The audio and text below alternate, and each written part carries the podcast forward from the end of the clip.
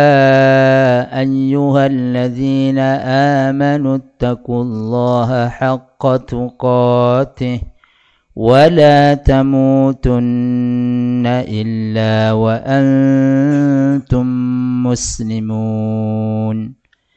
يا أيها الناس اتقوا ربكم الذي خلقكم من نفس واحدة وخلق منها زوجها وبث منهما رجالا كثيرا ونساء. واتقوا الله الذي تساءلون به والأرحام.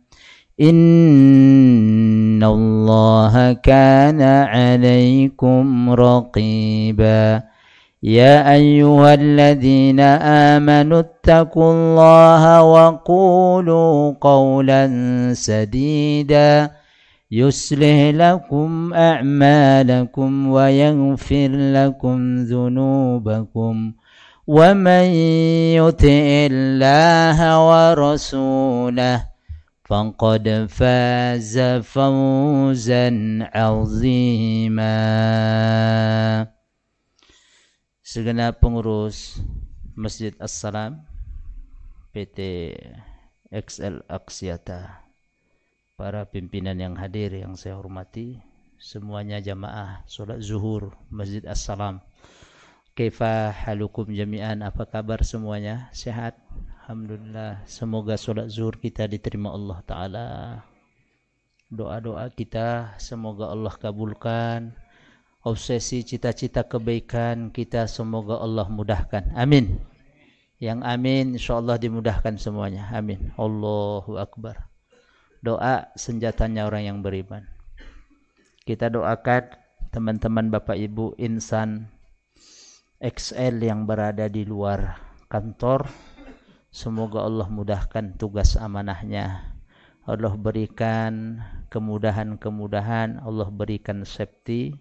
Sehingga kalau berada di tower Excel Aksiata ini kakinya kalau berat Allah ringankan untuk ke masjid. Amin. Hatinya kalau masih tertutup Allah bukakan hatinya sehingga sama-sama bisa memakmurkan masjid yang kita cintai ini. Kaji kita pada siang hari ini mengambil tema keberkahan dalam berjamaah Allahu Akbar keberkahan dalam berjamaah jadi berjamaah itu dekat dengan berkah atau berkah itu dekat dengan jamaah. Kok bisa ya? Jawabannya ada dua. Satu melalui pendekatan dalil-dalil nakli. Yang kedua melalui pendekatan argumen dalil akli. Dari dalil-dalil nakli Al-Quran dan Hadis, memberikan kepada kita penjelasan redaksi-redaksi dalam Quran itu rata-rata kalau kita tilawah. Ya rata-rata mulai dari awal sampai terakhir itu pasti bentuknya itu fululer atau singular? Saya tanya panjenengan bentuknya itu berjamaah jamaah atau infirodi sendiri-sendiri mana yang lebih banyak fulur jamaah ya ayuhallazina amanu wahai orang-orang yang beriman Berapa orang?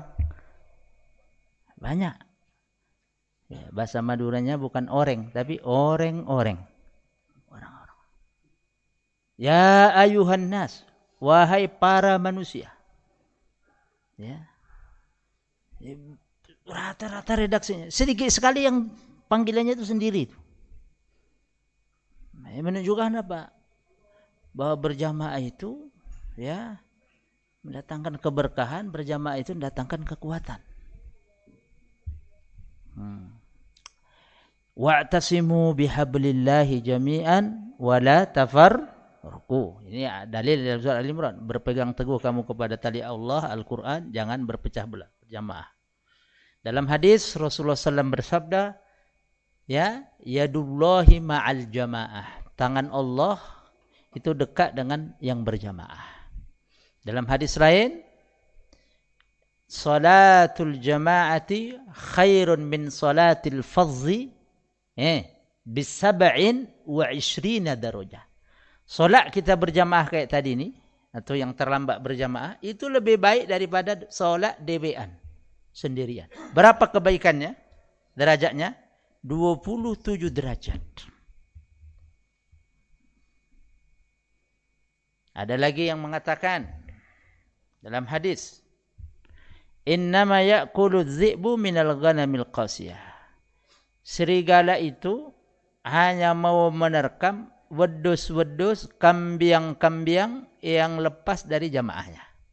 Kalau berjamaah dia kambing itu pak banyak, zibun itu serigala itu ngefer keweden, uh banyak. Tapi begitu bapak sup lewat sendirian, dihajar, iftaros, diterkam bapak. Allah. Ya, berjamaah, usahakan berjamaah. Maka kalau kita pun musafir, eh, harus ada yang mengangkat, kita angkat menjadi apa Pak? Roisus safar, tim leader. Ya, eh, pimpinan rombongan. Dia jadi kepala safarnya. Apa yang diputuskan suruh begini begini. Kita dulu nanti sholat dulu ya. Jamak takdim kita dulu. Ini nanti di rest area berhenti. Nah, ikuti dia. Musyawarah. Oh ya. Ya kan? Atau jamak takhir banyak sekejulnya ikuti. Harus diangkat. Kan identik dengan keberkahan. Bapak Ibu yang dirahmati Allah Ta'ala, ada ungkapan yang sangat populer. Al-insanu do'ifun binafsihi. Manusia itu kalau sendirian lemah. Qawiyun ma'a ikhwanihi. Kalau dia bersama ikhwan, teman-temannya. Qawi, powerful, kuat. Sunnatullah itu. Hmm. Hmm. Fakirun binafsih. Kalau dia sendirian fakir, miskin dia. Miskin miskin pikiran, miskin ah, semua miskin tenaga, semuanya lah. Fakir. Butuh. Ghaniyan ma ikhwanihi, dia menjadi gani, kaya kalau dia berjamaah bersama teman-temannya. Kaya pikiran, kaya ide, kaya semuanya. Masukan-masukan yang membangun, ya kan? Al-ikhtirah, al-banna, oh begini, begini, begini dan seterusnya. Oleh karenanya Rasulullah sallallahu alaihi wasallam tengok pada waktu perang Khandaq. Ya. Perang Khandaq ini terjadi pada tahun kelima Hijriah di bulan Shawwal. Ya.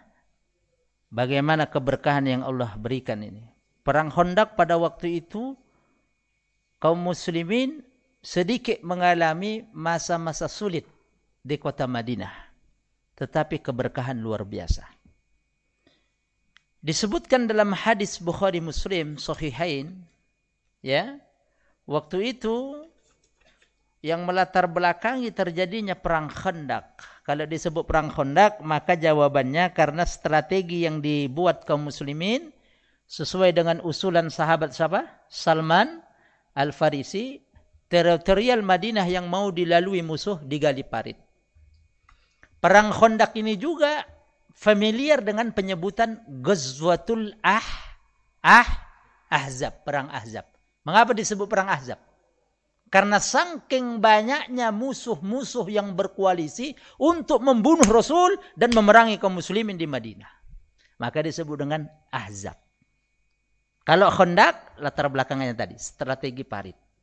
Dan strategi parit dalam sebuah peperangan mimma lam yak mimma lam ya'lamuhu al-arab. Tidak pernah diketahui oleh bangsa Arab sebelumnya. Maka yang mengusulkan Salman. Ya kan? Kalau disebut dengan perang Ahzab, saking banyaknya musuh-musuh yang berkoalisi. Ya. Siapa yang menjadi biang kerok dedengkotnya adalah Bani Nazir, Yahudi Bani Nazir. Ya kan? Disebutkan dalam sirah bahwa anna zu'ama Bani Nazir, Yahud Bani Nazir, para pimpinan pejabat-pejabat Yahudi Bani Nazir kharaju minal Madinah ila Makkah. Mereka keluar diam-diam dari Madinah ke Mekah. Apa tujuan mereka ke Mekah? Cari eh koalisi cari suku-suku yang berada di Mekah, baik itu kafir Quraisy, ya untuk sama-sama nanti berangkat ke Madinah menyerang Rasulullah dan kaum muslimin. Bani Nazir menjadi biang keroknya. Ya, dedengkot.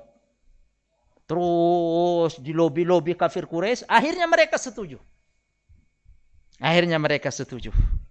Sampailah kemudian Bani Nazir mengatakan kepada orang kafir Quraisy, "Hei kafir Quraisy, innama antum alaihi khairun min dini Muhammad sallallahu alaihi wasallam." Kafir Quraisy, apa yang kalian imani agama kalian nenek moyang ini sekarang lebih baik daripada agama yang dibawa Nabi Muhammad sallallahu alaihi wasallam untuk meyakinkan melobi-lobi itu. Fafihim nazala qawluhu ta'ala pada waktu itu kemudian Allah menurunkan firman-Nya yang termaktub dalam surat An-Nisa ayat 5154 asbabun nuzul ayat ini. Ketika Bani Nazir melobi-lobi kafir Quraisy dengan mengatakan kalian posisi kalian yang kalian yakini menyembah berhala ini lebih baik the best daripada agama yang dibawa Muhammad. Tauhid. Langsung Allah turunkan ayatnya surah 4 An-Nisa ayat 5152 A'udzubillahi minasyaitonirrajim Alam tara ila alladhina utu nasiban minal kitab يؤمنون بالجبت والطاغوت ويقولون للذين كفروا هؤلاء أهدى هؤلاء أهدى من الذين آمنوا سبيلاً. أولئك الذين لعنهم الله. ومن يلعن الله فلن تجد له نصيرا langsung bergetar langit Allah turunkan firman-Nya untuk meyakinkan orang kafir Quraisy, orang Yahudi Bani Nadir mengatakan demikian. Alam taro tidakkah kau tengok, tidakkah kau perhatikan ilal lazina kepada orang-orang utu yang diberikan nasiban minal kitab, yaitu Alkitab Taurat. Sebagian dari kitab At-Taurat. Maksudnya orang-orang Yahudi Bani Nazir. Yu'minuna bil jibti mereka beriman kepada syaitan wa togut dan togut. Wa yakuluna dan mereka bermanuver. Mengatakan, melobi-lobi. Siapa yang dilobi? Lilladzina kafaru kepada orang-orang kafir Quraisy. Haula'i kalian ini, he orang kafir Quraisy, ahda lebih mendapat petunjuk minal ladzina amanu sabila daripada orang-orang beriman yang ada di kota Madinah. Hmm. Dijawab oleh Allah ayat 52-nya. Ulaika mereka itulah orang-orang alladzina orang-orang yang la'anahumullah. Allah kutuk Yahudi itu dikutuk dalam Quran ada dua kutukannya. Satu, Bapak bagus, mumtaz kamlut. Bawa baca surah Al-Baqarah. Kasih makanan, tup, masuk mulut. Up. Kasih lagi makanan, tup, masuk belah sini. Tup. Kasih lagi, tup, pegang, tup. Tup, tup, kaki belapur. Bangsa yang tamak rakus. Undak kenal halal haram. Sifatnya tu. Hmm dikutuk jadi kera, satu lagi dikutuk dalam ayat lain, surat lain. Ha, fok. Fok. Ada mid fok. Pernah saya lewat masuk pasar modern, ada gang tulisan di atas mid fok. Oh, enggak jadi masuk saya. Mak, bahaya masuk ini. Ya kan? Fok di al-khanazir bahasa Arabnya. Khinzir jamaknya khanazir. Nauzubillah min zalik. Hewan paling jorok. Tahu fok? Tahu kan? Ha, pok pok enggak. Ayalah itulah itu ha antum boleh walau hinzir. Jadi kutuk jadi dua hewan. Waman sapa wonge siapa aja orang yang yal'anillah Allah kutuk siapa orang yang Allah kutuk falan tajida lahu nasira maka anda tidak akan pernah mendapatkan bagi orang itu penolong falan never ora bakal tidak akan pernah anda jumpakan orang yang bisa menolong orang yang Allah kutuk. Nauzubillah min zalik. Eh, wajar biasa kalau ada kemudian teori dan teori Darwin dulu mengatakan dari kera manusia itu. Mungkin nenek moyang dia yang dikutuk kera tadi. Kalau kita kan enggak, ya kan? Ya kan? Benar kan? Kan teori itu dibantah itu. Nauzubillah min zalik. Jadi ayat itu turun berkenaan tadi lobi-lobi Bani Nadir untuk meyakinkan eh, kafir Quraisy memerangi Rasulullah SAW. Bahkan disebut hatta na nas taksilah sampai kita nanti putus leh putuskan leher Muhammad itu. Mereka aminkan itu. Bani Nazir tidak puas melobi kafir Quraisy, maka disebut dengan Ahzab karena kelompoknya banyak sekali koalisinya. Datang kepada kepada Bani Gotofan, Bani Gotofan juga di lobi-lobi percis dengan apa yang mereka utarakan, yang mereka manuver kepada kafir Quraisy. Setelah Bani Gotofan, Bani Fizaro. Bani Fizaro, Bani Murrah. Berarti ada berapa? Ada empat. Di luar Bani Nazir. Kalau dengan Bani Nazir berarti ada lima. Makanya disebut perang Ahzab. Bani Nazir, Oke, kafir Quraisy, ayo Bani Fizar, siapa lagi? Bani Gotofan, Bani Mur, Murrah, ada lima. Datang mereka. Nanti dari Mekah, ya kan? Dari Mekah mereka datang. Rasulullah Sallallahu Alaihi Wasallam kemudian mendengar peristiwa tersebut, ya. Langsung Rasulullah mengumpulkan para sahabatnya untuk bermusyawarah bermusawarah. Dalam musawarah itu kemudian seorang sahabat Salman Al-Farisi mengusulkan untuk menggali farid. Itulah disebut dengan perang Khandaq. Berapa jumlah kaum muslimin waktu itu? Jumlahnya salah satu alaf, tiga ribu. Sementara pasukan koalisi yang dipimpin oleh Bani Nazir jumlahnya eh, asyratu alaf. Berapa asyrah? Sepuluh ribu. Sepuluh ribu versus tiga ribu. Satu banding berapa Pak Saiful? Satu banding ti? tiga. Masya Allah. Tengok. Saya mau, kita mau sampai pada sebuah keberkahan. Tiga ribu itu nanti pasukan Rasulullah semuanya terbagi atau semuanya mendapatkan keberkahan. Ketika menggali parit disebutkan dalam sirah. Ada sirah ini rujukannya hadis ya sunnah didapatkan batu yang susah dipecah. Datang seorang sahabat melapor kepada Rasul. Ya Rasul, susah ini. Kata Rasul, mana bodem, mana kapak bodem, dipecahkan oleh Rasul. Pecah. Ketika memecah batu itu, ditengok oleh sahabat ini, Jabir. Jabir bin Abdullah ini sahabat Ansor. Jatuh juga ganjal-ganjal perut Nabi. Dalam hadis Sahih Bukhari batu. Sudah beberapa hari Nabi tidak makan. Saya utarakan di depan tadi agak susah. Musim agak sedikit paceklik waktu itu Madinah. Eh, berangkatlah Jabir ke rumah. Bilang kepada istrinya, dek, saya melihat sesuatu pemandangan yang saya tidak bisa menahan emosional saya. Nangis dia. Maza indaki, ada apa di rumah kita, dek? La syai' illa al-inaq. Dah ada apa-apa bang kecuali inaq. Tahu inaq? Eh, inaq tahu enggak? Kambing punya anak, anaknya kambing. Apa namanya bahasa Jawanya? Eh, cemek, cempe. Kalau anaknya sapi, pedet. Ya? Nah, ini anaknya kambing. Masya Allah. Rawal Bukhari fi sahihih. Imam Bukhari meriwayatkan dalam kitab sahihnya. An Jabir radhiyallahu an dari sahabat Nabi bernama Jabir. Semoga Allah meridai beliau. Qal dia berkata inna sesungguhnya kami yaumal khandaq di waktu perang khandaq atau perang ahzab nahfiru. Kami menggali parit bersama-sama Rasul. Fa'aradat kadzbatun syadidah.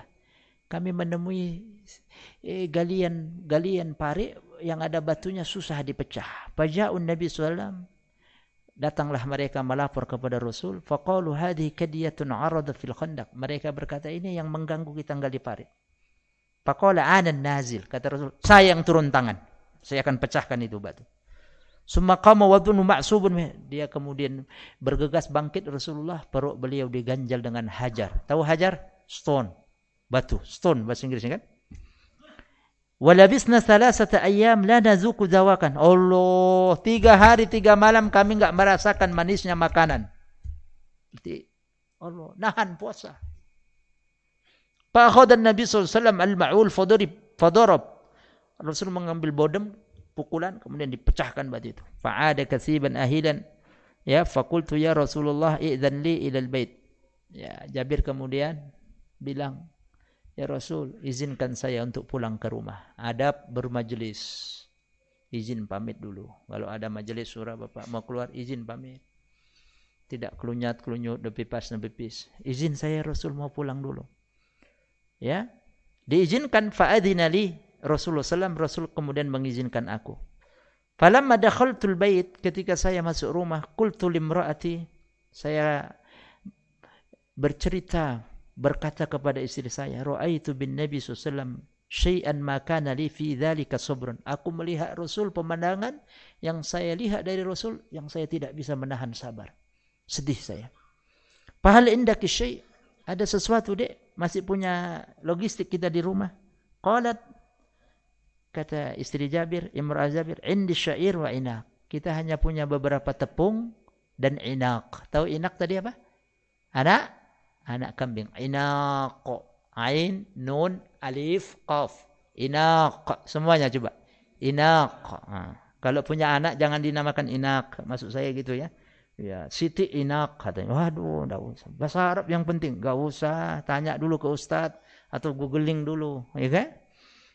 Fadzabahtul Inaq kata Jabir, tengok keberkahan itu. Aku kemudian sembelih itu anak kambing. Wa tanahtu syair. Aku uleni Tahu ulai ni? Beri martabak itu apa itu dia apa? Adonan, ya. Ya, saya olah tepung, ya kan? Hatta ja'al ja'alna al-lahm fil burma. Sehingga kami jadikan dia gulai. Ya, daging itu burma, kami gulai. Ya, digulai. Biasa orang Arab makan roti sama gulai kambing itu biasa kan? Nah, boleh. Coba Pak Rahman. Searching aja di anu, googling. Burma ya, keluar. Hmm. Kalau enggak anu ke situ di Manggarai itu ada itu. Restoran banyak. Ya. Pas buka puasa nanti yang puasa. Habis itu Jabir balik ke balik ke lapangan lagi, bukan kemudian tidur di rumah enggak.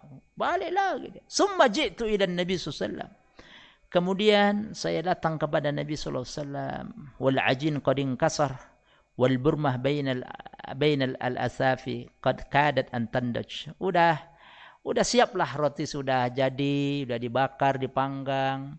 Gulai tadi juga sudah di atas tungku, sudah mau matang. Fakultu ya Rasulullah SAW, kum anta ya Rasulullah wa rajulun aw rajulain. Ya Rasul, bawa satu dua orang untuk menemanimu ke rumah. Saya sudah nyiapkan makanan. Kalau kita mungkin cocok ya kan? Panggil, ayo, diam-diam, dua orang. Rasul teringat sahabatnya tadi. Berapa jumlahnya Pak? tiga ribu. Yang lain tiga hari tidak makan. Allah. Qala kam huwa? Rasul bertanya ke Jabir berapa yang kau masak siapkan logistik hidangan makanan? Fazakartulahu aku sebut ya Rasul sedikit roti panggang sama anak kambing saya sembelih Qala Rasul kemudian berkata kasir kasir apa kasir banyak Tayyib, bagus, good. Fakul laha la tanza al-burmah wal al-khubz min at-tannur hatta ati. Jabir, pulang kau ke rumah, ini syaratnya. Jangan diangkat itu gulai kambing dari tungkunya, tannur, sampai saya datang. Rasul kemudian panggil semua sahabat. Ya ashabi ta'alau ke sini. Nazab ila bait Jabir. Sahabat sini semua, ayo. Jabir sudah buat makanan perbaikan gizi buat kita. Okay? Sampai di rumah Jabir bilang kepada istri, gawat dik, gawat. Kami orang Medan bilang azab, azab dik. Orang Santar azab dik. Apa? Semua diajak dik. Faqalat imra'atu Jabir, istri Jabir kemudian bertanya, hal sa'alaka Rasul sallallahu alaihi wasallam? Rasul sudah tanya kepada panjenengan, Bang. Qultu na'am. Iya. Apa kata istri Jabir? Tengoklah, Pak. Iman yang kuat. Iman amiq. Al-iman al-amiq. Al-imanur rasikh iman yang kuat yang dalam. Wanita yang soleha istri yang luar biasa. Allahu wa Rasul alam. Udah bang. Serahkan saja pada Allah dan Rasulnya. Dia yang paling tahu Allah dan Rasulnya. Udah semua datang pak. Udah Tapi Rasul berkata tadi kepada Jabir, buka bisa dibuka di Sahih Bukhari. Syaratnya jangan diang diangkat dari tungku. Ini satu mukjizat ya yang diberikan Allah kepada Rasul. Tengoklah keberkahan itu bersama berjamaah. Kata Rasul, udkhulu masuk kalian ke rumah Jabir wala tadaghatu jangan berdesak-desakan. Ya, Fahayya halan bikum. Ya. Ayo ayo semua. Halal udah. Ayo makan, ya kan? Falamma dakhala Jabir ala imra'atihi qala wa haka ja'an Nabi celaka dek Nabi SAW datang bersama Muhajirin dan Ansar dan orang-orang yang semuanya tadi tinggal di parit 3000. Qalat istri Jabir bertanya hal sa'alaka kam tu'amak kam tu'amuk apakah Nabi bertanya kepadamu wahai abang berapa jumlah makanan? Qala na'am. Iya udah aku jawab. Anaknya anaknya Anaknya apa tadi? Anaknya kambing sama beberapa roti dikit. Qalat Allahu wa Rasuluhu alam. Allah dan Rasulnya yang lebih tahu. Summa ja'an Nabi sallam. Nabi kemudian datang bersama sahabat. Faqal Nabi kemudian berkata, "Udkhulu wa la tadaghatu." Masuk kalian rumah Jabir, jangan berdesak-desakan, jangan apa namanya? mubaksar, tidak tertib, ya. Faja'ala yukassir al-khubza wa yaj'al alaihi al-lahm wa yukhammar al-burmah. Wallah. Rasul yang motong-motong roti taruh di mangkok. Rasul yang nyiduk tadi gulai anak kambing tadi. Semuanya ngantri hatta syabi'na wa baqiya baqiyah. Kami semua full stomach, very full, kenyang. Our stomach, perut kami kenyang. Wa baqiya maka baqiya, tersisa masih ada yang tersisa. Allah. Wala kuli hada wahdi. Eh, Fa inna nas asabathum maja'ah. Kata Rasul, makan ini. Sisanya hadiahkan. Fa inna nas masyarakat asabathum maja'ah. Apa maja'ah? Alladhi at'amahum min ju' ju' ju' hungry. Orang-orang tertimpa sedikit susah makan, laparan. Kasih hadiah. Wa fi riwayat dalam riwayat uhra, Fauqsimu billah, saya bersumpah kepada Allah. Laqad akalu sungguh semua sahabat 3000 orang tadi akalu. Akala akala akalu. It semuanya makan. Hatta taraku wan saru sehingga mereka selesai kemudian bergegas menggali parit lagi. Wa inna barmatana sungguh gulai kami la taghattu kama hiya tetap seperti semula tidak kurang. Allah dan roti itu juga tetap seperti semula. 75 Sahih Bukhari Zid Anam halaman 46. Bisa juga ditengok Sarah Sahih Buri namanya Fathul Bari ada di situ Fathul Bari ya jilid ke-7 halaman 279 sampai 280. Apa maknanya? Keberkahan bersama jamaah. Saya tidak bisa membayangkan satu anaknya kambing bisa mengcover jamaah yang luar biasa tadi. Allah dan itu juga bagian dari mukjizat yang Allah berikan kepada Rasulullah sallallahu alaihi wasallam. Sahabat semangat menggali parit sama menyanyikan yel-yel. Ha, bolehkah kita eh, mengucapkan syair yel-yel? Boleh. Perang Khandaq Ahzab sahabat menggunakan yel-yel, slogan-slogan yel-yel. Asal slogan yel-yel itu tidak bertentangan dengan ajaran Islam. Apa yel-yelnya sahabat sampai menggali parit itu? نحن الذين بايعوا محمدا على الإسلام ما بقينا أبدا نحن الذين بايعوا محمدا على الإسلام ما بقينا أبدا kamilah ya orang-orang yang bersumpah setia kepada Nabi Muhammad SAW mempertahankan Islam komit dengan Islam selama kami masih hidup mendengar yel-yel itu sambil menggali parit tadi itu Rasul kemudian eh memberikan doa kepada sahabat Fayujibuhun Nabi. Nabi kemudian menjawab yel-yel itu dengan doa. Allahumma ya Allah. Innahu sesungguhnya. La khaira tak ada kebaikan. Tidak ada keberkahan. Illa khairul akhirah. Kecuali keberkahan kebaikan akhirat fabarik fil ansar wal muhajirah. Berkahi semua sahabatku ini yang turut andil ya berkontribusi menggali parit untuk mempertahankan kedaulatan Madinah dari serangan musuh yang sudah datang di tengah perjalanan. Berkahi semua mereka ya Allah sahabatku ansar dan muhajirin. Subhanallah. Apa yang dapat kita simpulkan? Petik ibrah pelajaran.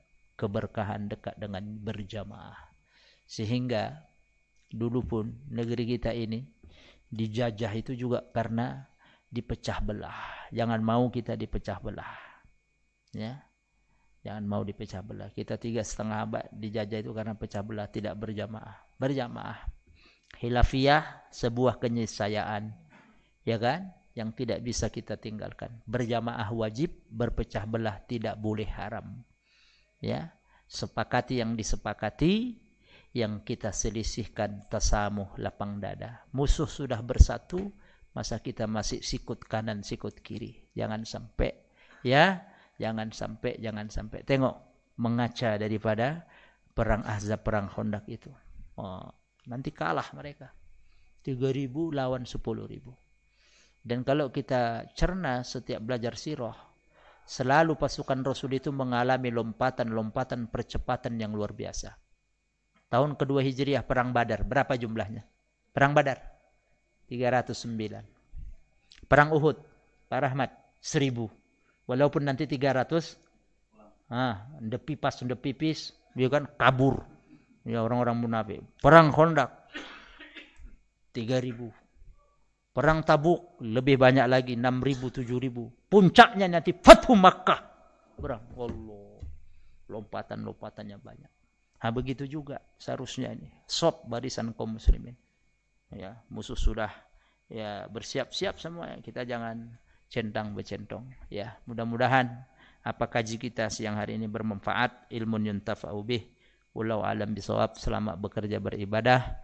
Semoga Allah berkahi ini PT XL Aksiata bisa bersaing dengan kompeten apa kompetitor-kompetitor yang lainnya. Hadirkan Allah hadirkan ruh Al-Quran dalam dunia bekerja Allah akan berkah. Eh, kullama ta'allaqta bil Quran kullama wujidatil barakatu fi hayatika wa fi waqtika wa fi malika wa fi ahlika wa usratik. Selama engkau masih terkoneksi dengan Quran maka selama itu juga akan Allah berikan keberkahan dalam kehidupanmu, dalam aktivitas kerjaanmu, dalam harta bendamu, dalam anak-anak keluargamu. Itulah Quran. Powerful dia. Keberkahan Al-Quran. Maka Allah berfirman dalam surat Sot. Surat keberapa surat Sot? Surat 38. Halamannya itu sebelah kanan. Ayatnya itu empat baris dari atas. Oh, doh. Antum kalau membaca Quran. Qurannya itu yang satu halaman 15 baris standar cetakan King Fahad Malik Freeting ya cetakan Madinah. Walaupun dicetak Indonesia. Pasti 15 baris. 15 baris antum namanya Quran pojok. Ngapalnya antum? Oh iling oh ini gon kene lah. Eh ini kene ku gon kene. Pojok iki antum ini dahsyat Quran ya surat short buka nanti. Ayatnya itu ayat 29 alamannya sebelah kanan barisnya keempat Allah berfirman auzubillahi minasyaitonir rajim kitabun anzalnahu ilaika mubarakun liyadabbaru ayatihi waliyatadzakkara ulul albab. Kitabun alquran anzalnahu yang kami turunkan kepadamu ilaika kepadamu Muhammad. Mubarak berkah. Diberkahi berkah membawa berkah. Berkah dalam apa? Harta hidup dunia kerja. Berkah Quran. Pasti pasti. Baru ayati agar mereka mentadabburi ayat-ayatnya. Digali ayat-ayatnya. Wali tadzakkara ulil albab agar orang yang diberikan Allah akal ini mengambil pelajaran dari Quran itu. Maka sebagian ulama ketika menjelaskan ayat ini ya berkata seorang ulama kepada muridnya aksir min tilawatil Quran. Yang belum baca Quran baca Quran. Saya doakan yang mudah yang belum bisa mudah. Amin. Allah banyak kau membaca Quran. Wala tatsruk jangan kau tinggalkan tilawah Quran. Fa innahu mongko sak temene maka sesungguhnya. Tengok-tengok Pak. Ini perkataan ulama wal salafus saleh maka sesungguhnya tengok yatayassar lakal ladzi talabtahu ala qadri ma taqra min al-Quran. Allahu akbar. Paham artinya? Paham? Paham belum? Ya belum saya terjemah. Sesungguhnya dimudahkan bagi kamu apa yang kau cita-citakan, yang kau kerjakan, yang kau obsesikan, ya kan? Ala qadri ma taqra minal Quran sesuai dengan kadar kau membaca Quran. Allah, kalau baca Qurannya banyak, Allah mudahkan bagi kita lebih banyak. Amin. Kalau bacanya dikit ya mudahnya dikit. Sampai segitu lama itu. Fa innahu yatayassar alladhi yatayassar laka alladhi talabtah ala qadri ma taqra min al-qadar kadar kadar sesuai kadar kau tilawah Quran. Kan nanti kalau eh, ketemu customer atau apa bagian marketing apa ada susah apa target banyak baca Quran minta berkah. Kayak ulama tadi akan diberkahi, dimudahkan apa yang kau cita-citakan, yang kau impikan, yang kau program sesuai dengan kadar kau membaca Quran. Karena Quran itu berkah. Masya Allah. Walau alam biswab. Semoga bermanfaat. Kita tutup dengan doa kafaratul majlis. Subhanakallahumma biham. Syadu an la ilaha ila anta. Safuka wa tubilai. Matur nuun. Terima kasih. Matur sekelangkung. Yang ngapunten yon sapuro. Wassalamualaikum warahmatullahi